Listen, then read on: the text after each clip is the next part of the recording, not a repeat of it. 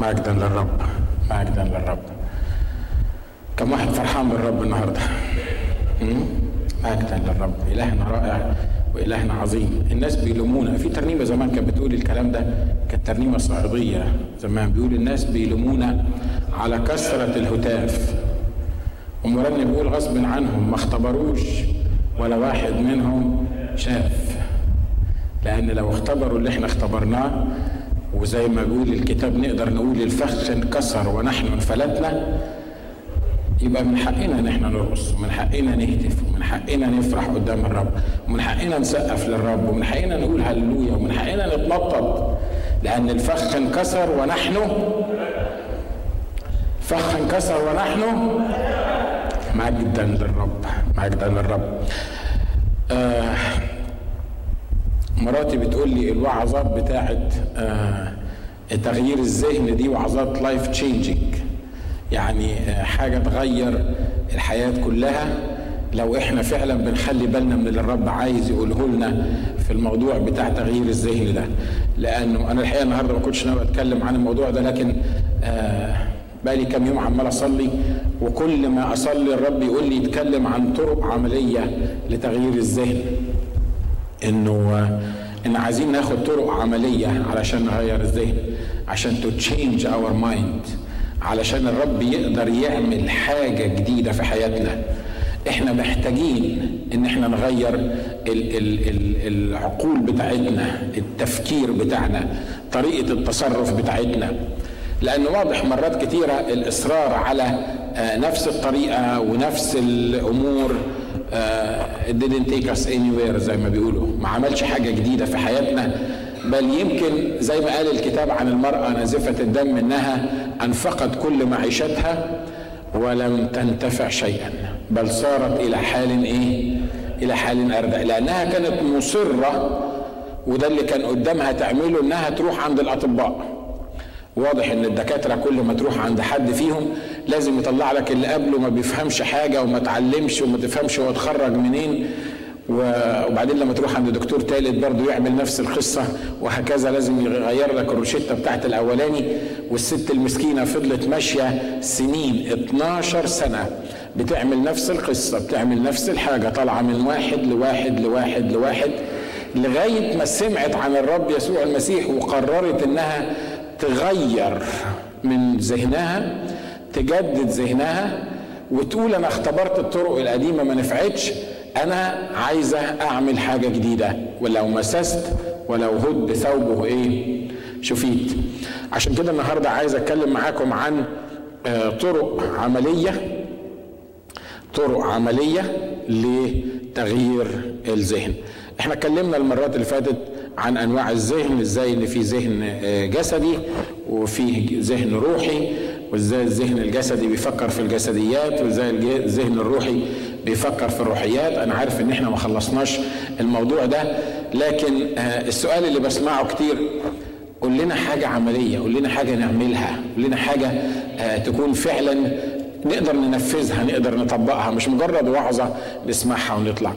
الحقيقة الرب لفت نظري وأنا بفكر في الموضوع ده لشخصيات في الكتاب المقدس في العهد القديم وأنا دايما زي ما قلت لكم قبل كده بحب أجيب أمثلة من العهد القديم لأن بتوع العهد القديم كانوا مظلومين. الروح القدس ما كانش بيسكن في الناس في العهد القديم. الروح القدس كان بيحل على الناس في العهد القديم يفهمهم حاجات وبعد كده يسيبهم. لكن إحنا في العهد الجديد الكتاب بيقول أنتم هيكل الله وروح الله يسكن فيكم. فلو أنتم هيكل الله وروح الله يسكن فيكم يبقى أنا وأنتم في العهد الجديد عندنا إمكانيات رائعة جدا ما كانتش موجودة في العهد القديم. عشان كده إحنا بناخد مثل من العهد القديم. عشان لو كانوا بتوع العهد القديم قدروا يعملوا كده يبقى إحنا أضعاف الأضعاف نقدر نعمل كده. فكرت في حياة زي حياة دانيال. دانيال راجل كان آه لو تفتح معايا آه الأصحاح الأول من سفر دانيال لو معاك كتاب. دانيال كان راجل آه واضح إنه كانوا إمكانياته كتيرة كان عنده حكمة كان كان شخصية بارزة في شعب إسرائيل. وبعدين حصل السبي. ولما تقرأ سفر دانيال تلاقي دانيال ده مسكين يطلع من مطب يخش في مطب تاني. على رأي ما إحنا بنقول بالمصري يطلع في الساقية ينزل في طاحونة. ما كل ما يخلص مشكلة يبتدي مشكلة تاني. كل ما, ما, ما الأمور تمشي وهو الراجل مش ذنبه هو الراجل كان موجود في إسرائيل وجه نبوخذ نصر الكلداني اللي بعضنا بيفتخر بيه إنه من عيلة نبوخذ نصر. جه نبوخذ نصر سبى شعب إسرائيل وخدهم وابتدت المشاكل في حياة دانيال وشدرخ وميشخ وعبدناغ والفتية الثلاثة لكن أنا بشوف إن دانيال رغم إنه كان راجل كبير ورغم إنه كان في السبي ورغم إن ما كانش في إيده إنه يعمل حاجات كتيرة لكن دانيال من أحسن الأمثلة اللي إحنا نقدر ندرسها ونطلع بيها بخطوات عملية عن تغيير الذهن خليني أقرأ معاكم الأصحاح الأولاني من سفر دانيال وفكر في الكلام اللي أنت بتقراه لغاية ما نتأمل فيه مع بعض.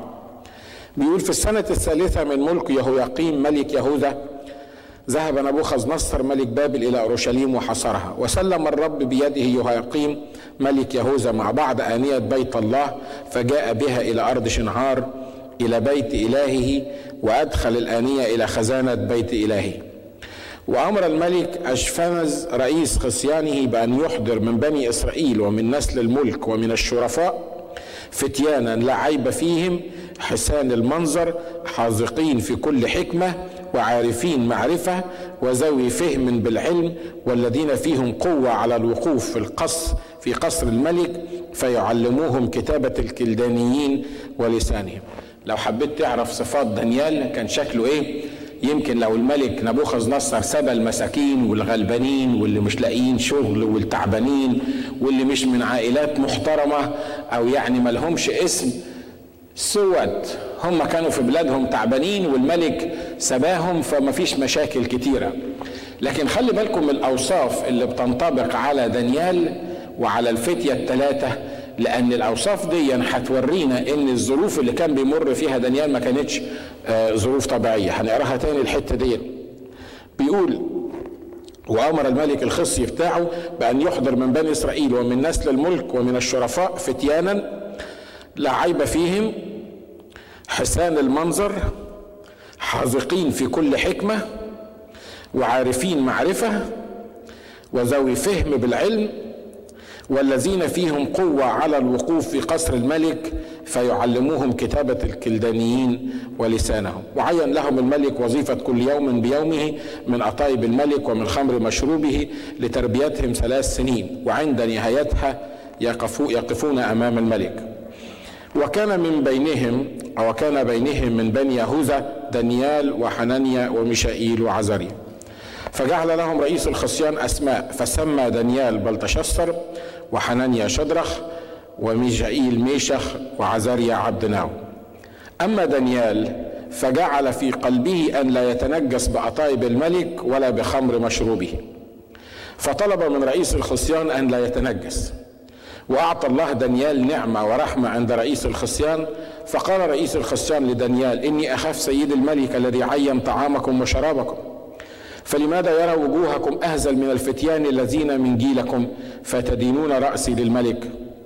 فقال دانيال لرئيس السقاط الذي ولاه رئيس الخصيان على دانيال وحنانيا وميشائيل وعزريا جرب عبيدك عشرة أيام فليعطونا القطان لنأكل وماء لنشرب.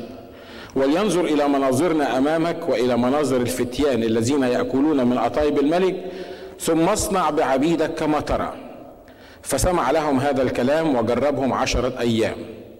وعند نهاية العشرة الأيام ظهرت مناظرهم أحسن وأسمن لحما من كل الفتيان الآكلين من أطايب الملك فكان رئيس السقاط يرفع أطايبهم وخمر مشروبهم ويعطيهم قطاني. وأما هؤلاء الفتيان الأربعة فأعطاهم الله معرفة وعقلا في كل كتابة وحكمة وكان دانيال فهيما بكل الرؤى والأحلام.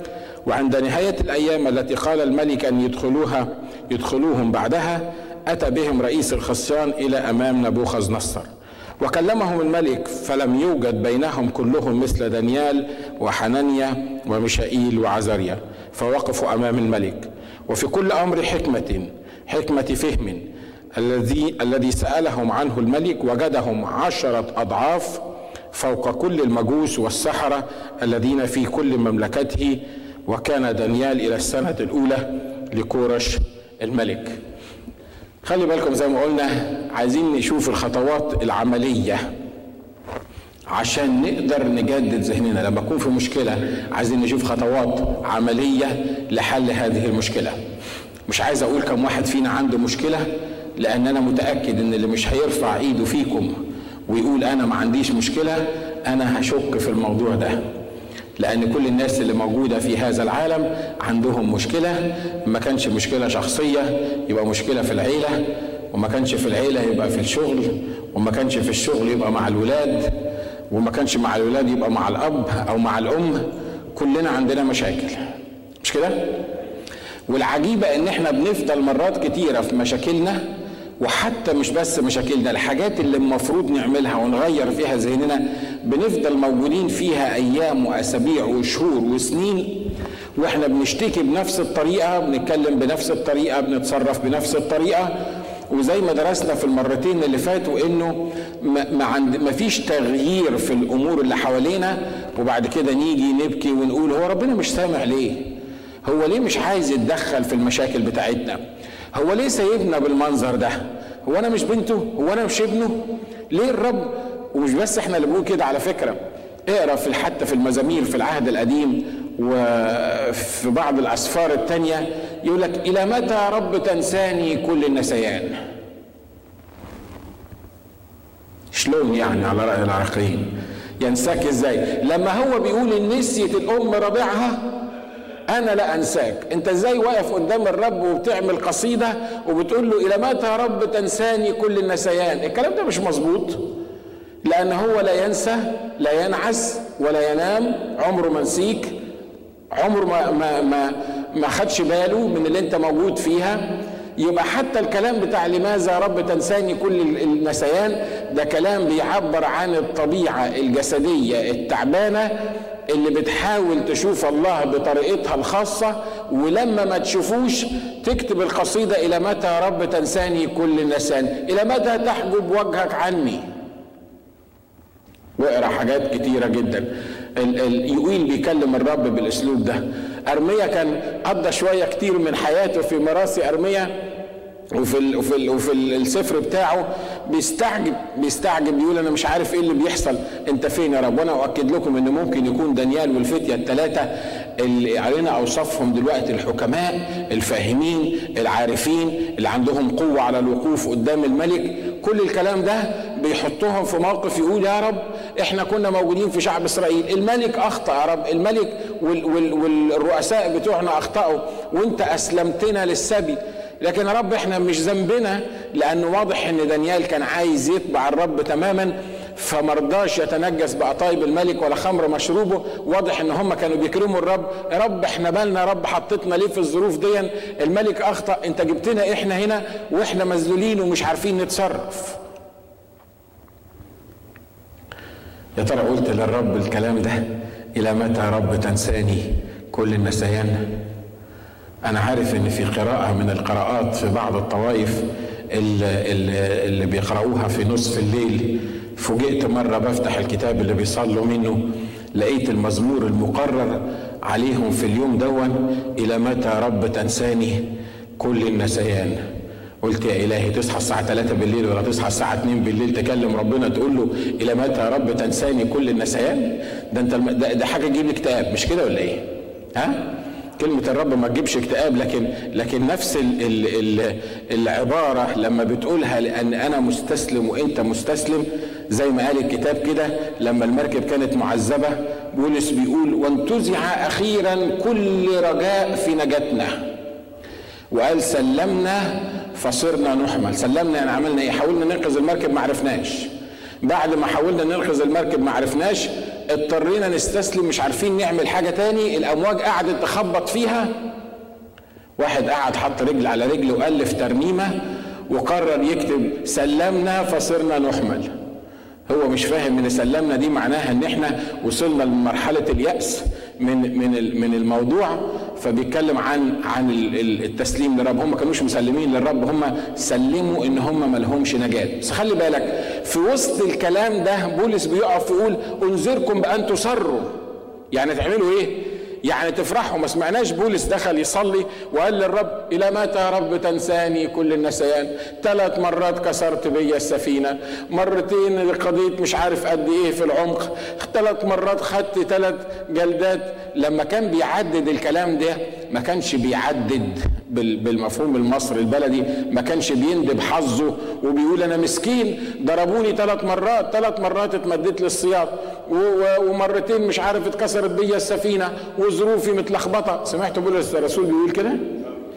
ده حتى لما قعد يربي في الناس ويعلم فيهم ودخل المحكمة بيقول إنه محدش حضر معاه في المحكمة ابدا الجميع تركوني. لو أنا عندي محاكمة أو عندي موقف وحصل لي مشكلة وبعدين بصيت على الإخوة بتوع الكنيسة ولا واحد سأل عليا ولا واحد عبرني. عارفين إن أنا عندي محاكمة بسبب إيماني بالمسيح والنهاردة هروح المحاكمة دي ولا واحد رفع السماعة وقال لي أجي معاك ولا أنت أخبارك إيه ولا حصل لك إيه. متهيألي يعني ما اجيش أوعظ في الكنيسة دي تاني. هاجي لهم ليه؟ لما هم مش واخدين بالهم إن أنا في ال في ال لكن بولس الرسول بكل انتصار بيقول إيه؟ الجميع تركوني لا يحسب عليهم ليه؟ لأن الرب وقف معي وقواني حتى لو الجميع تركوني ما سمعناهوش بيندب حظه زي ما إحنا بنعمل كده إحنا لما بنخش في مشكلة بنعز إن إحنا نندب حظنا self pity party اللي كنا بنتكلم عنها المرة اللي فاتت. نعمل نعمل قصة حوالين الموضوع واللي حصل واللي راح واللي جه. لكن الرب عايز يجدد أذهاننا ويخلينا ناخد خطوات عملية. أنا عارف إن أنا بقوله ده يمكن ما تكونش وعظة مكتوبة بالنص في الكتاب لكن أنا باخد مثال عشان أشوف دانيال عمل إيه وهو والفتية الثلاثه المشكلة كانت مع الناس دول إن هم اتسابوا. ناس محترمة جدا خدوهم في السبي. لما خدوهم في السبي ما بياخدوهمش بطريقة كويسة ما بيركبهمش عربيات مكيفة ما بينيمهمش في أحسن حتة.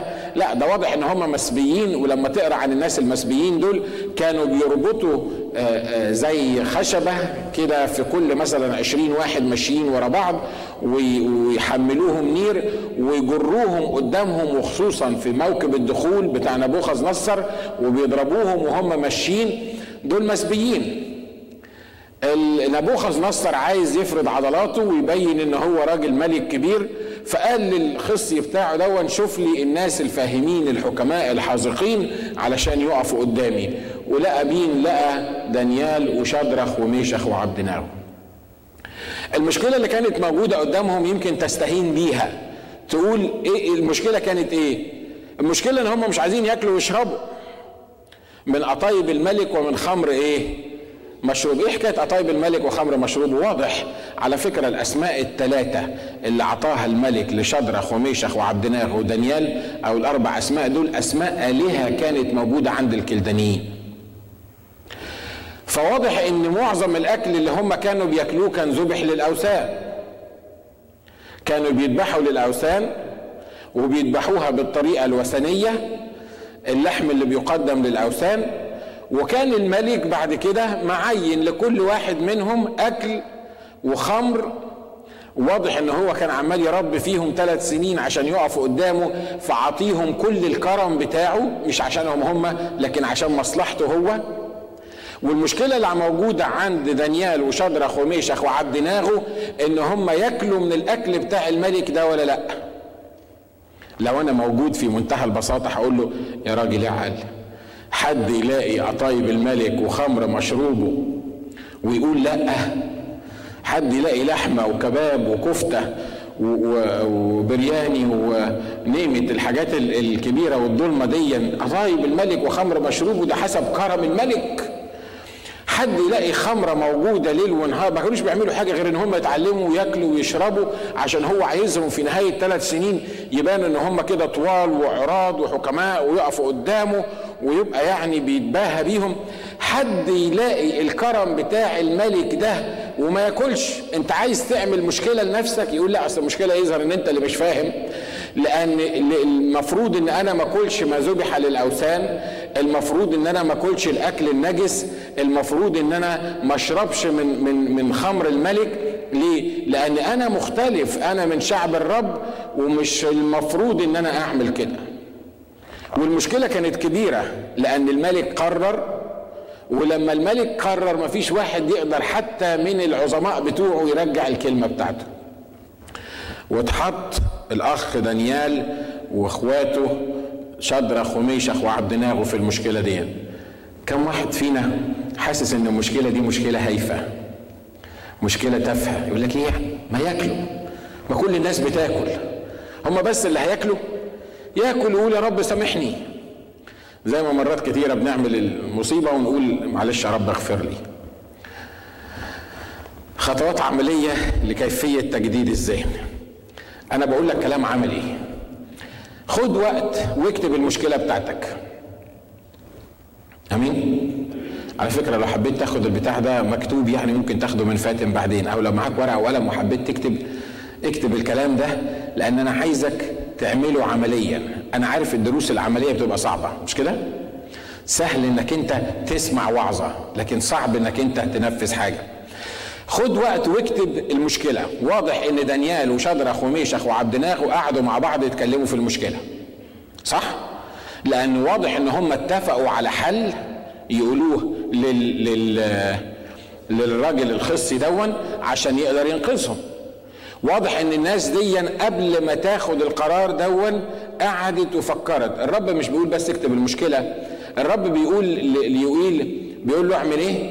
اكتب الرؤية وانقشها على إيه؟ على الألواح. اكتب اكتب الحاجة المشكلة اللي موجودة عندك. اكتب المشكلة بالتفصيل. خد وقت واقعد مع نفسك. فكر في المشكلة بالتفصيل. خلي بالك أنا بقول لك ليه اكتب؟ أنت ممكن تفكر فيه بس أنا بقول لك ليه اكتب؟ لأن لما بتكتب تقدر تحط تفاصيل مش هتقدر تفكر فيها لو بصيت للمشكلة مرة واحدة كده على جنب. صح اللي أنا بقوله؟ ها؟ لو قعدت تفكر في المشكلة هتفكر من جانب واحد. لو قعدت تفكر مش لازم تكون مشكلة الحاجة اللي عايز تعملها القرار اللي عايز تاخده. مش هتقدر تلم بذهنك في الوقت الواحد بكل الموضوع. لكن لو قعدت وكتبت المشكلة بالتفصيل هي كذا وكذا وكذا وكذا وكذا. على فكرة الرب علمني الكلام ده سنة 80 من 25 سنة. عجوز أنا. من خمسة من 25 سنة كنت في الجيش. كان عندي مشكلة مع القائد بتاعي. ورحت اشتكي والقائد بتاعي كان مفتري عليا. ورحت اشتكي للرب قال لي قول لي المشكلة بالتفصيل. وانت مش عارفها. يعني أنا أنا اقولها لك ليه؟ أقولها لحد مش عارفها مش واخد باله منها. لكن الرب قال لي كده قال لي اسمع قول لي المشكلة بالتفصيل. قولها لي كما لو كنت أنا ما أعرفهاش ما أسمعهاش. الكلام ده مهم.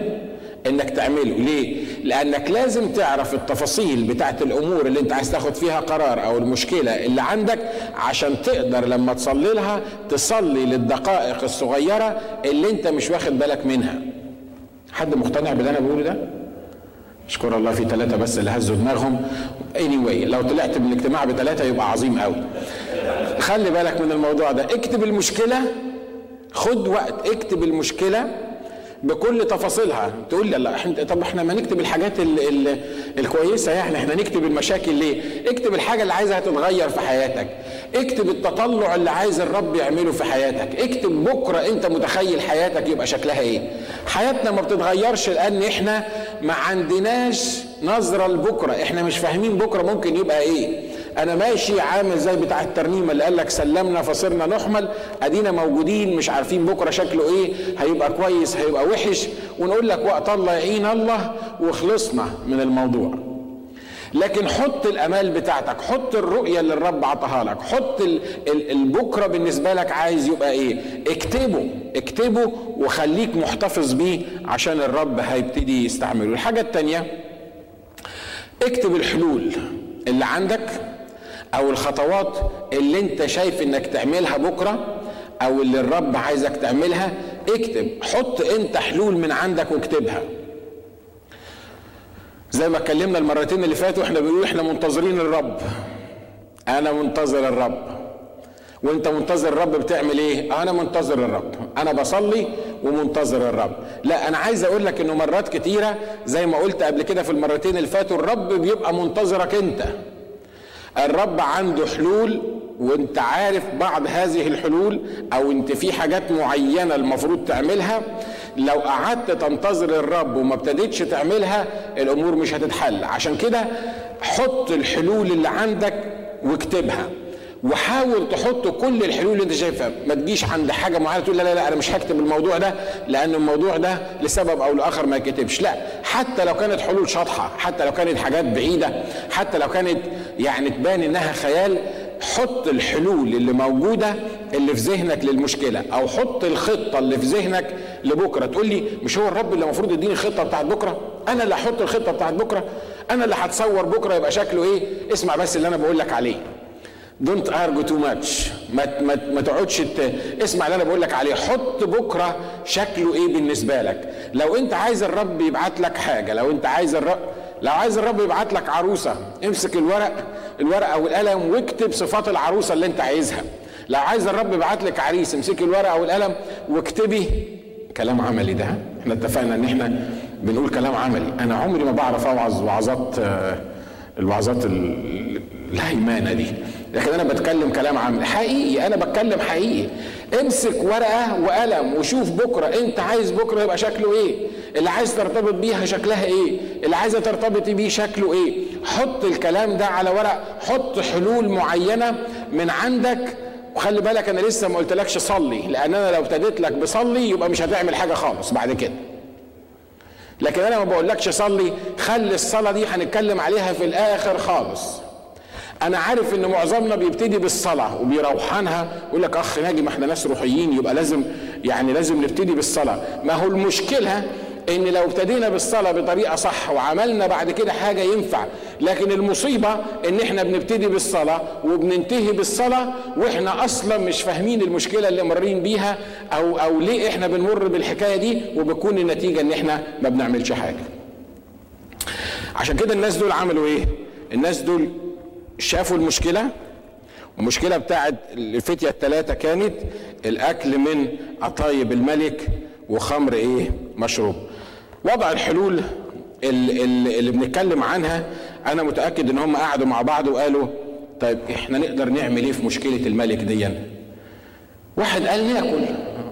ممكن واحد فيهم يقول ناكل. وخلاص هنعمل إيه؟ ربنا عارف إن إحنا غصب عننا. وما دام ربنا عارف إن إحنا غصب عننا يبقى خلاص دي مش خطية. زي ما إحنا بنعمل كده مرات كتيرة. تلاقي نفسك الدنيا ملخبطة وتروح عامل حاجة تقول لك ما ربنا عارف إن أنا غصب عني.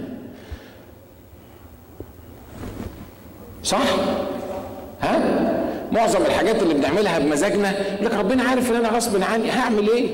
ما أنا مش يعني ما عنديش طريقة تاني فهو ربنا عارف إن أنا غصب وبما ان غصب عني يبقى أنا هعمل الحاجة دي وبعد كده ربنا هو هيقدر يعني يسامحني على الموضوع ده ويمشيه. يمكن واحد تاني قال لا ما ناكلش. يطلع اللي جنبه يقول له ما تاكلش؟ ما تاكلش هتتقطع رقبتك. ببساطة يا تاكل يا ما تاكلش وتتقطع رقبتك. زي واحد صاحبنا كده ما ما رقبته كانت هتتكسر بس نشكر الرب إن هو آه أنقذه وهيباركه وهيستخدمه عشان رقبته اللي كانت هتتكسر دي لأن كانت هتتكسر لأجل المسيح فما فيش مشاكل. بنحط الحلول وبنكتبها ويمكن واحد ثالث قال بصراحة إحنا ممكن نضرب عن الطعام. إحنا ممكن ما ناكلش خالص. لا ناكل ده ولا ناكل ده. هم ياكلونا بالعافية مش هيقدروا ياكلونا بالعافية. يمكن واحد تاني في المشكلة هيقول إحنا أحسن حاجة ننتحر. إحنا كده كده جينا من إسرائيل وحطونا دلوقتي في, في عند الكلدانيين والكلدانيين دول زمان كانوا ناس مفتريين شوية فهيبهدلونا. فأحسن حاجة إحنا نعمل إيه؟ ننتحر. حلول ممكن حلول ممكن واحد يقولها. الخطوة الثالثة اللي بعد كده عشان مش عايز آخد وقت كتير في كده بيقول اكتب النقط الإيجابية والسلبية لكل حل أمين؟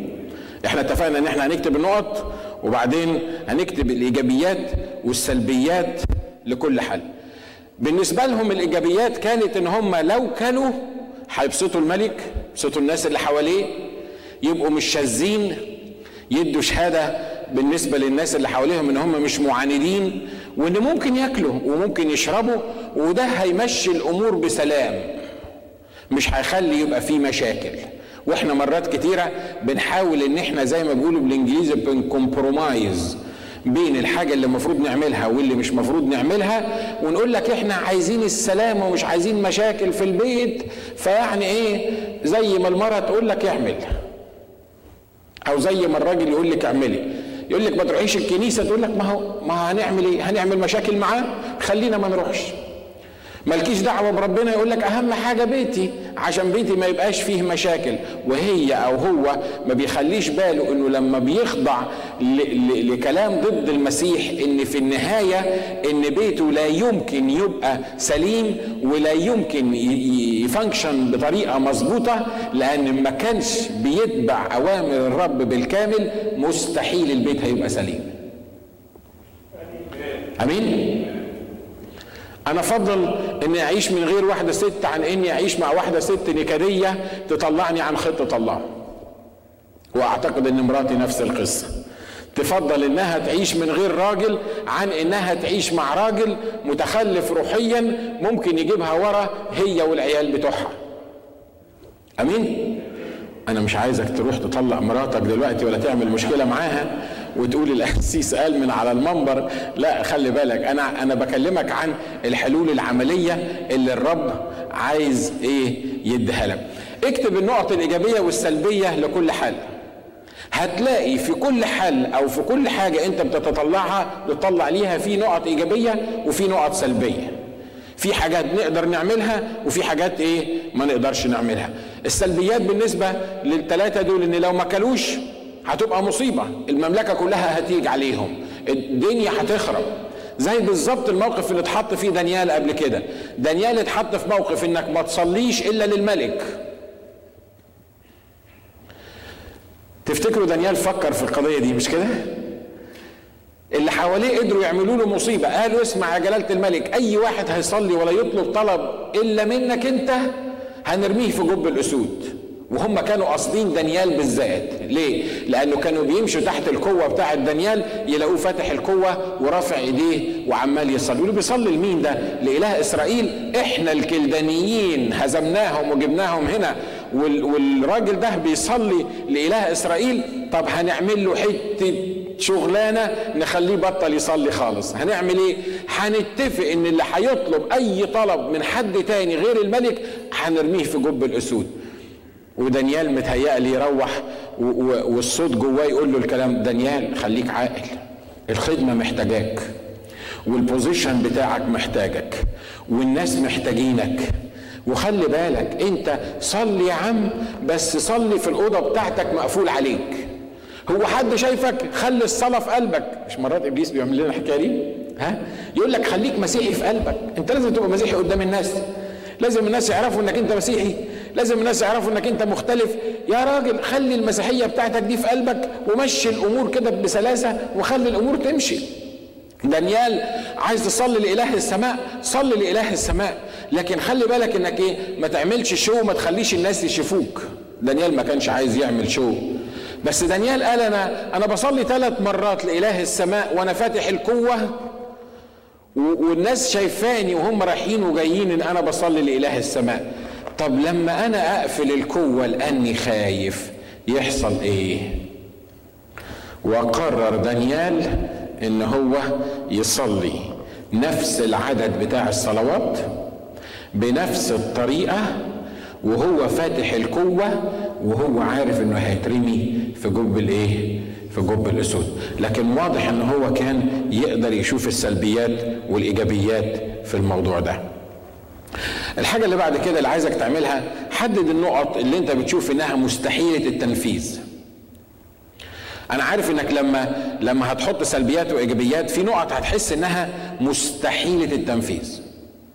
نو no واي إنها تتعمل الحكاية دي. حددها وحطها قدامك وشوف بالظبط إيه اللي ممكن يكون مستحيل إيه التنفيذ. وخلي بالك من حاجة. اكتب أسباب الاستحالة بتاعه تنفيذ النقط دي. ليه؟ لأن مرات بتيجي النقطة كده مجرد ما نفكر فيها نقول لا ده مستحيل. مستحيل نعمل كده. السؤال ليه مستحيل نعمل كده؟ ليه مستحيل تنفذ الحكاية دي؟ لا الحاجة اللي أنت بتقول عليها دي أنا ما أقدرش أعملها. ليه؟ كلنا بنفكر في نقط مستحيلة التنفيذ لكن ما بنفكرش في ليه. أنتوا معايا؟ ها؟ ها حد حاسس إن دي وعظة كويسة؟ ها؟ أنا متأكد إن في ناس عايزة تسمعها ومتأكد إن الرب بيكلم ناس معينة فيها. حط النقط المستحيلة التنفيذ وأهم من كده إنك تكتب ليه. ليه النقط دي مستحيلة؟ مرات بنيجي لنقطة معينة يقول لك لا أنت عايز نعمل كذا؟ مستحيل إن أنا أقدر أعمل كده. ليه؟ ليه؟ فكر في ليه. ومرات كتيرة لما بتيجي تفكر في ليه مستحيلة التنفيذ بتكتشف إنها مش مستحيلة ولا حاجة. ليه لا؟ ما تتعملش ليه الحكاية دي في بعض الحاجات اللي بتخلينا تخليها تبان إنها مستحيلة. ممكن تكون لأنها ما بترضيش الرب وضد المكتوب. دي استحالة حقيقية. لأن لو دي حاجة ما بترضيش الرب وهي ضد المكتوب يبقى فعلا ما تقدرش تعملها. المفروض ما تعملهاش. المفروض إنك أنت الحل ده وأنت اكسكلودد لكن المشكلة إن مرات إحنا ما بنتخيل إن الأمر ده مستحيل لأنه محتاج وقت ومحتاج جهد ومحتاج مال. عايز أقول لكم ببساطة كده مفيش مشكلة مش محتاجة وقت وجهد. وإلا ما كانتش تبقى مشكلة. صح؟ مش كده؟ معنى معنى إن في مشكلة معنى إن في احتياج معنى إن في رؤية عايزة تتحقق معنى إن في حاجة ربنا عايزها يعملها في حياتي معناها إنها عايزة وقت وعايزة جهد. والوقت والجهد دول المشكلتين اللي إحنا مرات كتيرة بنعلق عليهم الشماعة اللي بنعلق عليها عشان ما نحلش المشاكل بتاعتنا أو مشاكلنا ما تتحلش ليه؟ لأن يا إما أنا ما عنديش وقت وبفضل أقول ما عنديش وقت. على فكرة ما فيش حد ابدا ما عندوش وقت. ها؟ الكتاب قال لكل شيء تحت السماء إيه؟ فكر في نفسك اللي بتقول ما عنديش وقت كده واسأل نفسك قد إيه بتقعد قدام التلفزيون؟ قد إيه بتاكل؟ قد إيه بتحكي في كلام فاضي؟ الكتاب قال لكل شيء تحت السماء إيه؟ وقت. هتلاقي وقت تعمل كده. المشكلة أو الحاجة اللي الرب عايز يحلها في حياتي ويجدد ذهني محتاجة وقت وجهد ويمكن في بعض الأوقات بتبقى محتاجة فلوس محتاجة مال عشان تتعمل. ودايما إحنا بنفكر بالطريقة دي أجيب منين؟ الموضوع ده محتاج له بتاع خمس تلاف دولار أجيب منين؟ الموضوع ده محتاج حل بطريقة معينة أعمله إزاي؟ خلي بالك إن الله إلهنا يحيي الموتى ويدعو الأشياء غير الموجودة كأنها إيه؟ كأنها موجودة. أنا بحب جدا الكلمات اللي قالها بولس الرسول لما قال أستطيع كل شيء في المسيح الذي إيه؟ يقويني. في حاجة مهمة مرات بتخلينا ما بن ما بن ما بنتعوق عن تنفيذ وحل مشاكلنا إن إحنا خايفين من تنفيذها أو عواقب تنفيذها. مرات يقول لك لا أنا خايف أعمل الموضوع ده. ليه؟ ليه خايف تعمل الموضوع ده؟ وتحط يمكن مرات في ذهنك بعض العواقب اللي مش موجودة. الكتاب بيقول عن الكسلان اللي مش عايز يشتغل ما عندوش جهد يشتغل. بيقول بيقول إن الأسد فين؟ الأسد في الطريق. عشان كده مش عايز يطلع بره بيتهم عشان الأسد في الطريق. طب هو في أسد ممكن يبقى موجود في الشارع يا إخوانا؟ ها؟ في أسد ممكن يكون في الطريق. لو الأسد في الطريق دون مش هيلاقي كم واحد يجري وراه ويمسكوه ويحطوه في جنينة الحيوانات؟ ها؟ يعني هو أنت نايم في البيت والأسد مستنيك واقف على الباب بتاعكم ومحدش ابدا يعني مادد إيده عليه وسايب سايب الأسد قدام الباب بتاعكم عشان أنت تفتح ياكلك؟ بس الكتاب عايز يرسم صورة بيقول ان إن الشخص اللي مش عايز يدي جهد في حل مشاكله أو في في, في الأمور اللي ممكن تحصل معاه ده عامل زي الكسلان اللي قاعد في البيت وخايف. خايف من إيه؟ خايف من الأسد، الأسد مش موجود. الأسد زي ما قلنا الأسد هنا، في أسد صغير هنا موجود. كل ما ما, ما بتعمل حاجة يقول لك أنا موجود لك بره، أنا هفتح تفتح الباب هاكلك، لو لو عملت حاجة أنا هاكلك، أنا موجود بره. صح الكلام اللي أنا بقوله ده؟ مش كده؟ عشان كده لأن الأسد موجود هنا فإحنا قفلنا ده على الأسد عشان ما يطلعش وياكلني فما عنديش استعداد إن ذهني ولا مخي يتغير ليه؟ لأن أنا قافل على الأسد. لو أنا ابتديت أفكر وفتحت القفص بتاع الأسد هياكلني. خلي بالك الكتاب بيقول يأتي فقرك كغازل يعني طول ما انت قاعد بتفكر في الأسد انت هتعيش في فقر وتموت في فقر. ليه؟ لأنك انت بتقول الأسد موجود فين؟ موجود في الطريق. الكتاب بيقول لا تخف. الكتاب بيعلمنا إنك ما تخافش إنك لازم تثق وده هنتكلم عنه بعد كده. الحاجة الخامسة بيقول صلي لأجل ما يمكن تنفيذه. خلي بالكم إحنا جبنا الصلاة رقم كام؟ ها؟ زي ما اتفقنا ما ابتديتش بيها ليه أنا؟ مش المفروض ان نبتدي بالصلاة؟ مش إحنا مؤمنين؟ مش كل حاجة نصلي عشانها؟ لا معلش في الموضوع اللي أنا بكلمك فيه ده ما تصليش إلا لما تعمل الخطوات اللي أنا قلت لك عليها. ليه؟ لأنك لما تصلي بعد ما تعمل الخطوات اللي أنا قلت لك عليها يبقى عندك حاجة تصلي لها؟ فاهم أنت بتصلي لإيه؟ عندك دقائق معينة بتصلي علشانها عشان لما الرب يستجيب يبقى بيستجيب حاجة أنت عارفها وأنت قلتها. أمين؟ إحنا بنركع يا رب حل المشكلة دي. كل ما تكلمني أقول لك صلي لي عشان أنا عندي مشكلة. وأسيب ده وأقول لك صلي لي عشان عندي مشكلة. وأسيب التالت وأقول لك صلي لي عشان عندي مشكلة. وأنت عملت إيه عشان المشكلة اللي موجودة عندك؟ Nothing. ما أنا بصلي. اعمل إيه أكتر من ان أنا بصلي مش دي حاجة روحية كويسة مش المفروض ان أنا اصلي المفروض انك تصلي بعد ما تعمل اللي أنا قلت لك عليه لو ما عملتش اللي أنا قلت لك عليه ما تصليش ليه؟ لأنك لما تصلي وأكيد ربنا قال لك الكلام ده قبل كده اعمل الأول اللي أنا بقول لك عليه وبعدين صلي.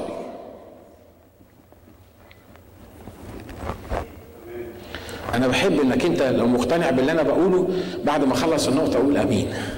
ها؟ عشان ما أحسش إني بوعظ لنفسي يعني إن, إن, إن الكلام ده مهم في الموضوع ده. أنا بركز مرة تانية على الموضوع ده يا جماعة. سيبكم من روحانة الأمور. سيبكم من من نظام ان إحنا هنصلي وهنصلي بقالك كام سنة كل ما تقابل حد تقول له صلي لي بقى ما ترفعش إيدك طبعا جاوب بينك وبين نفسك بقالك كام سنة مش عامل حاجة في عيشتك تماما بس كل اللي انت لما بتقابل حد وطبعا لما بتحس انك بتقول صلي لي وبتقول للناس صلي لي بتحس ان انت راجل روحي. أنا عارف ان انت مخلص. أنا مش بقول ان انت مش مش مخلصة وبتضحكي على نفسك.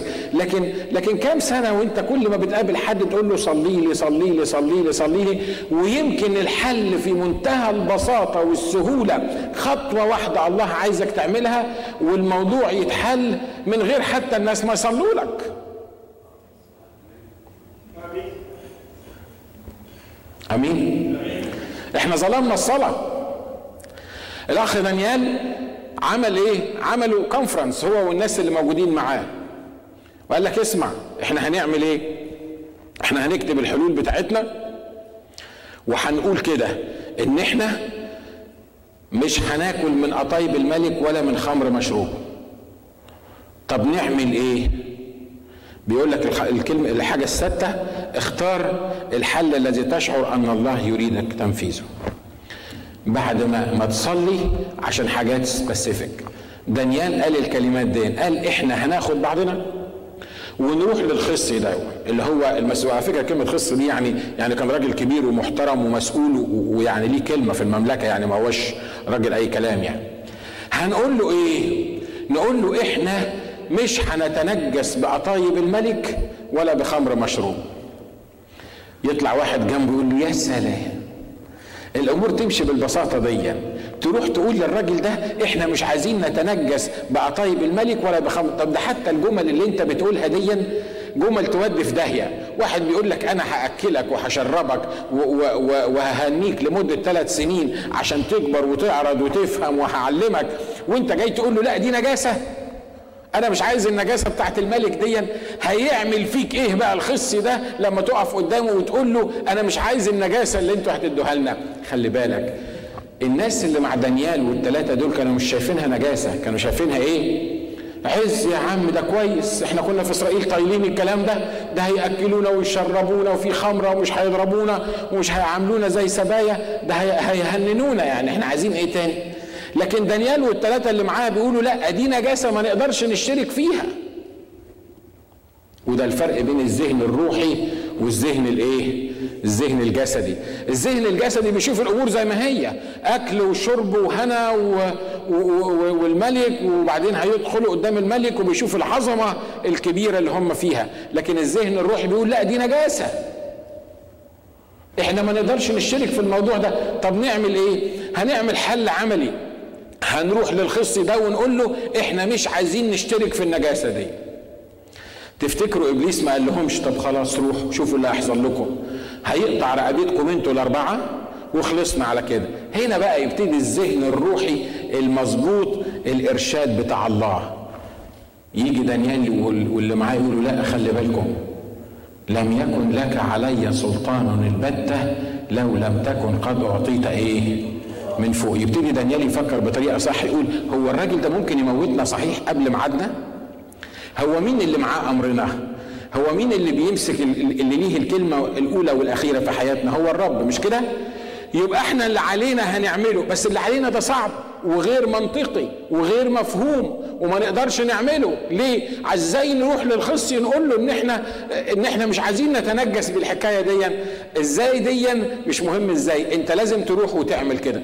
طب لو رحت وموتوني مش هيموتوك إلا إذا الرب كان عايز يموتك. ولو الرب كان عايز يموتك أحسن لك تموت أحسن ما تعيش. تقرف نفسك وتقرف اللي حواليك.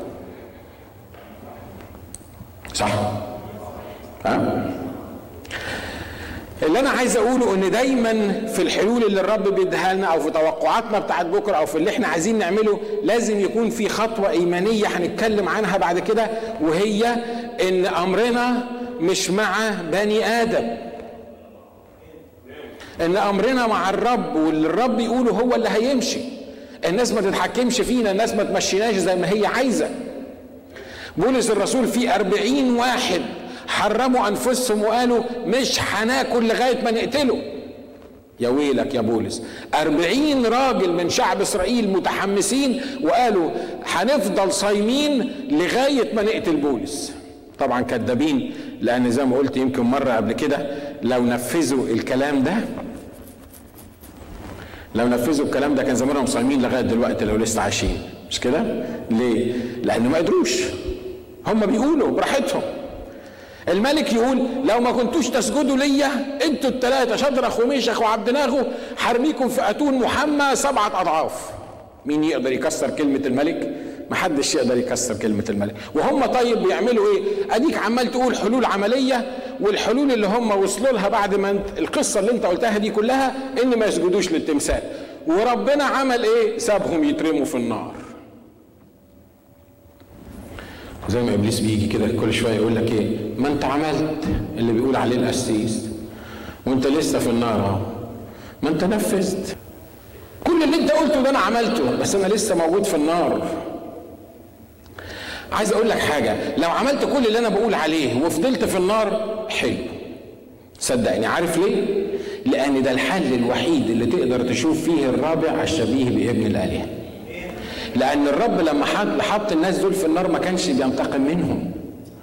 ده ما كانش عايز يعذبهم. تقول لي أخ ناجي بس كلام توعظوه على المنبر ده شيء والواقع شيء تاني. تخيل معايا إن أنت مختلف مع الملك وإنك قلت للملك إن أنا مش هسجد والملك اتنرفز وقال طب حموا الأتون سبع أضعاف. أنا ما أعتقدش إن الفتية الثلاثه كانوا عمالين يدوا لبعض هاي فايف ويقولوا يا سلام. شفت بقى خليه يعمل اللي هو عايزه. خليه يولع الأتون سبع مرات.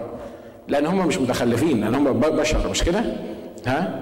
لكن كانت وقت ضغط رهيب والعدو يجي يقول لهم خلي بالكم أنتوا قلتوا له انكم مش هتسجدوا بس خلي بالكم الاتون اهو بإيوان ضعف اهو دلوقتي اتنين بيحميه ثلاث اضعاف الموضوع جد والموضوع هتترموا ولما مسكوهم وربطوهم خلي بالكم ان إحنا هتتحرقوا.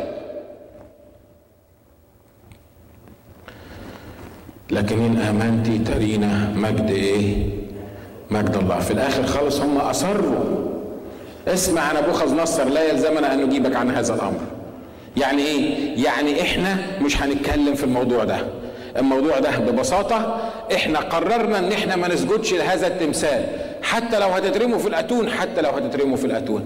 خلي بالك لو بتعمل وبتنفذ الحل اللي الرب موافق عليه حتى لو اترميت في الأتون ده هيبقى سبب لإكرامك ورفعتك وخلي بالك إن الأتون ملوش سلطان عليك لأن الكتاب بيقول إن النار ما كانتش ليها سلطان على الفتية دول. حتى دي, دي عملت إيه؟ دي حلت القيود بتاعتهم وشافوا الرابع الشبيه بابن الإيه؟ بابن الآلهة. قبل ما يخشوا الأتون كان الملك قاعد على الكرسي وفارد جناحاته والوزراء والناس حواليه وهم بيقول لهم اتعمدا يا شدرخ وميشخ وعبدناغ قررتوا إن أنتم ما تسجدوش للتمثال بتاعي؟ أنا هديكم فرصة تاني. تبص كده مين صاحب السلطان هنا؟ الملك.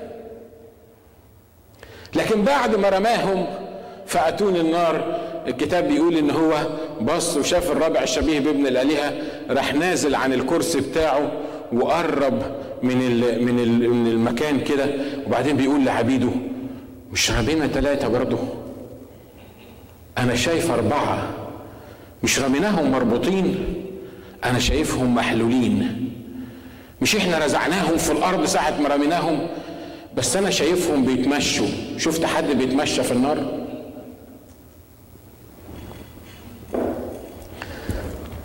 بعد ما طلعوا كان مين اللي ليه السلطان؟ التلاتة مش الملك.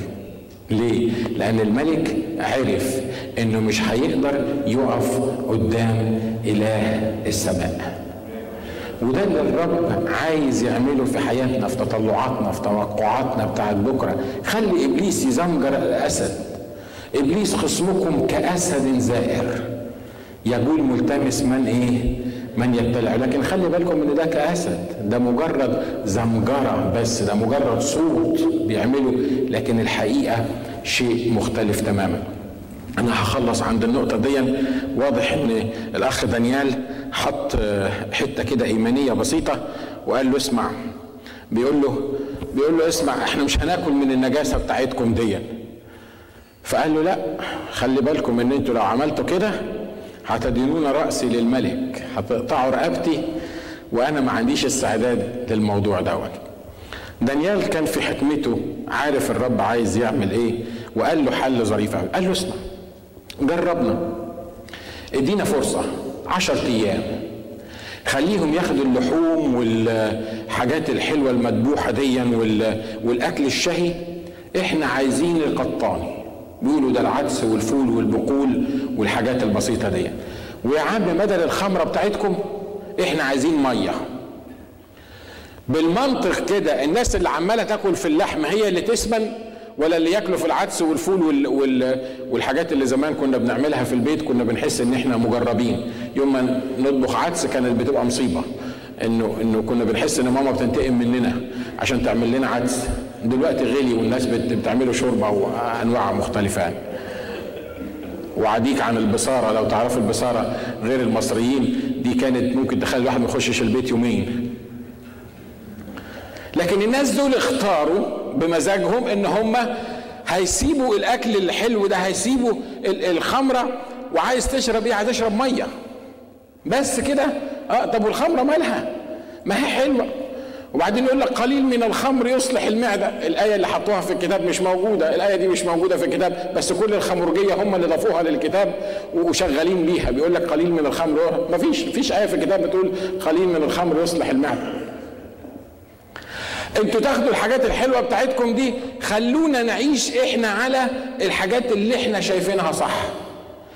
إحنا مش عايزين الحاجات اللي الملك بيفرضها علينا واللي العدو بيفرضها علينا واللي إبليس بيفرضها علينا والمواقف اللي إحنا محطوطين فيها. إحنا عايزين الحاجة اللي بيديها لنا الرب وإحنا عايزين نشوفها صح هي دي اللي نعملها. طب يا ابني اعقل ما هو الحاجة اللي انت بتعملها دي اللي حسب الرب مش هتوصلك نوير دي هتسوحك وهتخليك تبان ان انت اضعف من الناس اللي حواليك. لا ده في دماغك انت. لكن في الذهن الروحي المتجدد الموضوع مش كده. قال له ادينا عشرة أيام وجربونا. وكلكم عارفين إنه لما جربوهم لقيوهم إن كل يوم بيزيدوا ضعف في الحكمة وفي ال وفي ال وفي القوة بيزيدوا ضعف عن ال الناس الآخرين. لأن خلي بالكم نقول بعد عشرة أيام طلعوا دول إيه؟ عشر أضعاف الناس العاديين. أمين. إزاي حصل الموضوع ده؟ I don't know. بعد عشر أيام يعملوا عشر فروق عشر أضعاف.